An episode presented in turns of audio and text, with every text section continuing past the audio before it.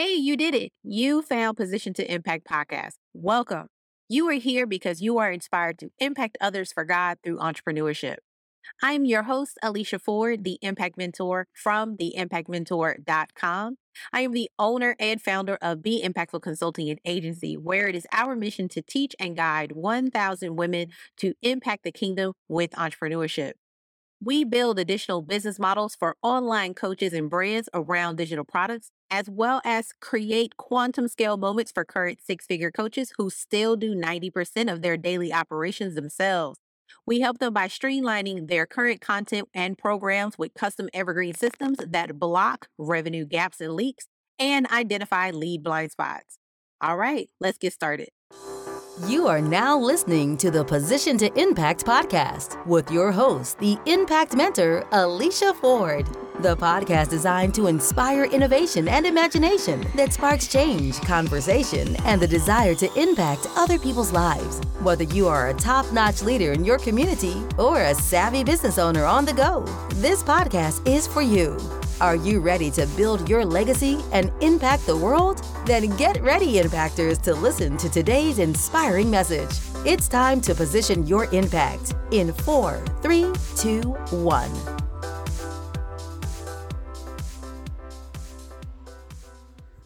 Hey, hey, hey, welcome back. It's Alicia. Okay, let's dive right in. So I'm gonna start with something uh maybe that you weren't ready for, wasn't expecting. Um, but hustle is going to kill you. What do I mean by that?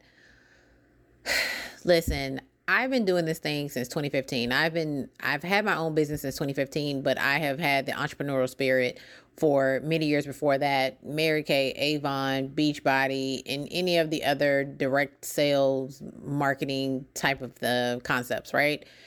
And it's 2022 and I'm here to tell you that hustling, hustle culture, that stuff is going to kill you. Um, as someone who has had to meet her anxiety head on, deal with it head on, um, because of I'm because of the hustle nature that I created in myself, the healing from constant burnout because I'm running I'm working a full-time job. I'm I have a part-time job. I run a business. I see clients. I'm trying to be a good daughter. I'm trying to be a good friend. I'm trying to have a social life. I'm trying to do all the things and it's just do this, do this, do this, do this, do this. And literally when the world took a pause in 2020, I didn't realize just how fast I was actually going. I didn't realize just how slow my natural pace is. Did you get an opportunity to really see what your natural pace was? The world has us going so freaking fast, man, that you are not even aligned with your natural body rhythm, right? And I'm not talking about you had you you know ignoring responsibility? Obviously not. But one of the pluses that i got to experience during um the pandemic was i really got to see i'm i if up to me i'm on slow boogie most of the time. And i take my time i go at my own pace and that's just pretty much what it is and when and it literally just propelled me into the fact that I really want to focus on entrepreneurship full time. This going to work, dealing with clients, having to get up four o'clock in the morning to take care of client um, matters, working nine to five, coming home, maybe taking an hour or two to myself, and then working until from 8 to 11 12 o'clock at night to you know do stuff for my own business record podcasts um you know do my own social media do something for you know for clients things like that and then repeating the process all over again.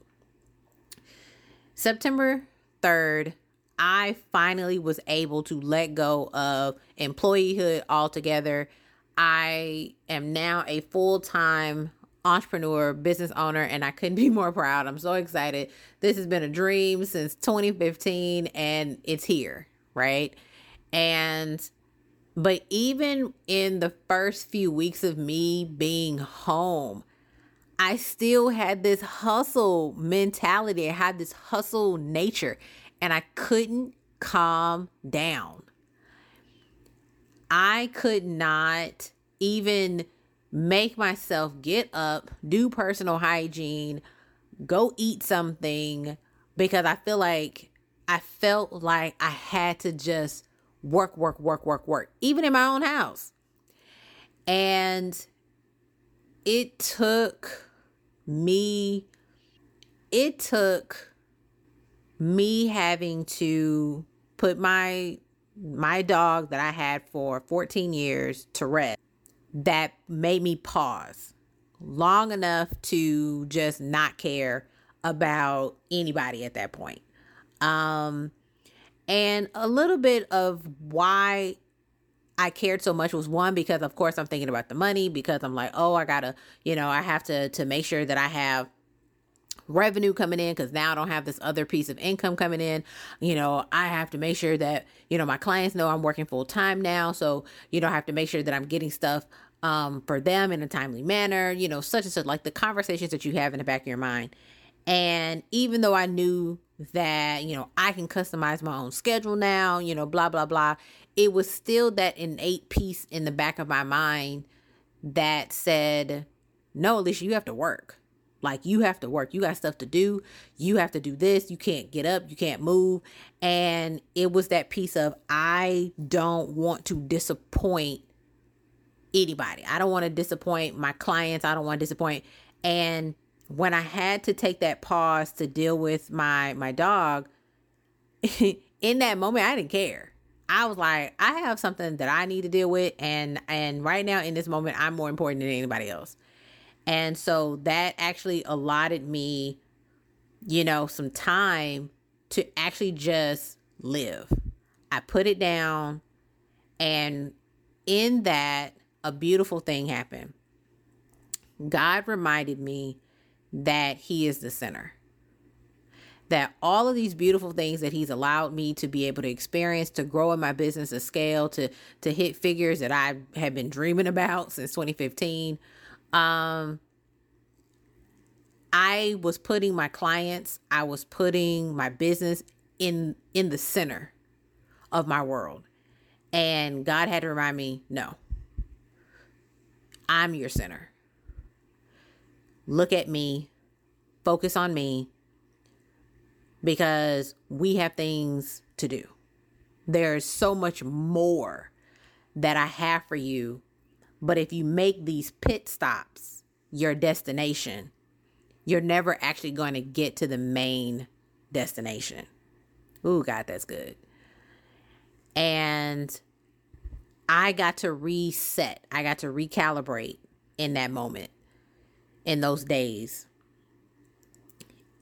No one can service your clients like you do. You provide top tier luxurious experiences for your clients. You move the needle and create multiple streams of revenue for your clients. There are things that you can do that is hard for you to articulate. But when people are in your space, you do miraculous things for your clients. But let me tell you what your problem is you are tired. You provide such deep work that you are left feeling exhausted at the end of the day.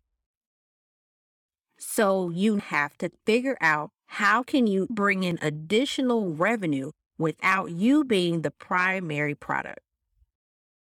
You know you need digital products that you can sell that does not involve your time to everyone who purchases from you. But you don't know where to start. I got you. So here is a nine step guide that I have put together on how to actually start adding digital products into your current coaching business. No one's telling you to stop the amazing results that you are giving your clients. But it is time for you to start leveraging all of that goodness that you provide to your clients and distributing it out to other people so that they can experience. Because listen, you cannot see everybody one to one, and everybody can't get into your group coaching program, but they can buy a digital product from you, and you can make money while they are experiencing the top tier of you.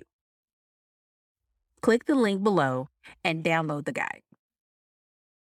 And when I finally came back into the office, I I didn't feel that sense of I have to go, go, go, go, go. I got this, you know, never ending to do list, and I have to do this, and I have to do that, and I have to do it all, you know. I have I've also learned I am not a multitasker. I have tried for many years to be a multitasker. Even job corporate jobs will make you be a multitasker. But in reality, I am not a multitasker. I have to do things one thing at a time. I can't do it all at once. And if anybody's out there who has an anxious mind, you'll know that anxiety will tell you everything's important. It all got to be done right now. And you got to split yourself into 16 different people and get it all done right now. Like right now, right now. and and then that's when your body's like, oh my gosh, how are we going to do this? I can't do this. And then we start panicking, right? And through therapy, a lot of therapy, 2019, 20, 2020 was me hitting the peak of my anxiety to where I had to be out on FMLA, FMLA And I had to go to therapy twice a week for 10 months because my anxiety had just gotten so bad. I could not function. And and I had gotten away from me. So I want you to understand today that there's power in working from a place of ease. We have been conditioned to believe that life is about work. And yes, there is work that has to be done in order to take care of the responsibilities that you have in order to survive as well. But when you get to a point in life where you have a choice, you can make the decision to hustle or you can operate from a place of of of peace and and ease i say do it from ease because this feels completely different hustle feels hard hustle feels anxious hustle feels like the clock is winding down like there's a countdown where ease feels more empowering to me. Ease feels more liberating. Ease feels more luxurious. Ease feels more abundant. Ease feels more operating out of the space of ease feels more empowering to me than operating from a place of What's the next thing? What's the next thing? What's the next thing? And I just want to tell you that you have a choice. I'm not a person who is afraid of work. I have hustled for many, many years. In my business, I was, you know, constantly live streaming. Then I was posting in other groups. I was trying to get on other people's platforms. I was guest blogging. I was uh, guest trainers. I was, um, you know, on you know on Instagram, on Facebook, on Pinterest, on you know podcasting, on Periscope, um, on all of these platforms, and all at the same time, every day, all day, and I would say I have sowed the seed to where I'm at so it has helped me indirectly, but directly in that moment, I didn't get what I wanted to be the the return on investment of my energy and my time. All I got was burnout and exhaustion and resentment and disappointment. So I choose to operate from a place of ease now because a I've been blessed with the with the option to um but also that also allows me to surrender to God. It also allows me to trust God. It also allows me to let go of trying to make my will happen. Are there goals and dreams that I have? Absolutely. Are there things that I am shooting for? Absolutely. But I remember praying to God that I don't want it if it means I get lost in a space that I can't return from. From a space of where I'm now operating out of greed, jealousy, envy, longing, um, you know, where it's not coming out of a place of love and gratitude and humility and and obedience and and I'm dead serious about it. So you have a choice. How are you going to operate going forward? Are you going to operate out of hustle and potentially deal with the with the cons that come with that? Or are you going to operate out of a place of ease and give yourself another truth? Give yourself another option. You know, will there be days where I have to hustle? Yes. But there's also going to be more days, I pray, that there are going to be more days of ease. And again, I'm not afraid of hustle. I've hustled. But I would like to see if I have hustled every day for the last seven years, I would like to see what it's like to operate from a place in ease if God is saying, hey, don't worry. Worry about nothing pray about everything. I got you. Right? So, what does that feel like? I would really like to see what that looks like for me for the next seven years. And I hope that you are here on the journey with me. Well, that's it. Thank you so much for stopping by. I hope you enjoyed today's episode. Do me a favor, please share this with your business buddy or your business peers. Let them get in on this goodness that we just talked about today. And also, don't forget to leave a comment if you're listening to this from Apple or click the link below to leave me a message on Anchor. And there's also some great resources in the show notes. Make sure you go over to Anchor and click on all the links that I have for you. All right, till next time. See ya.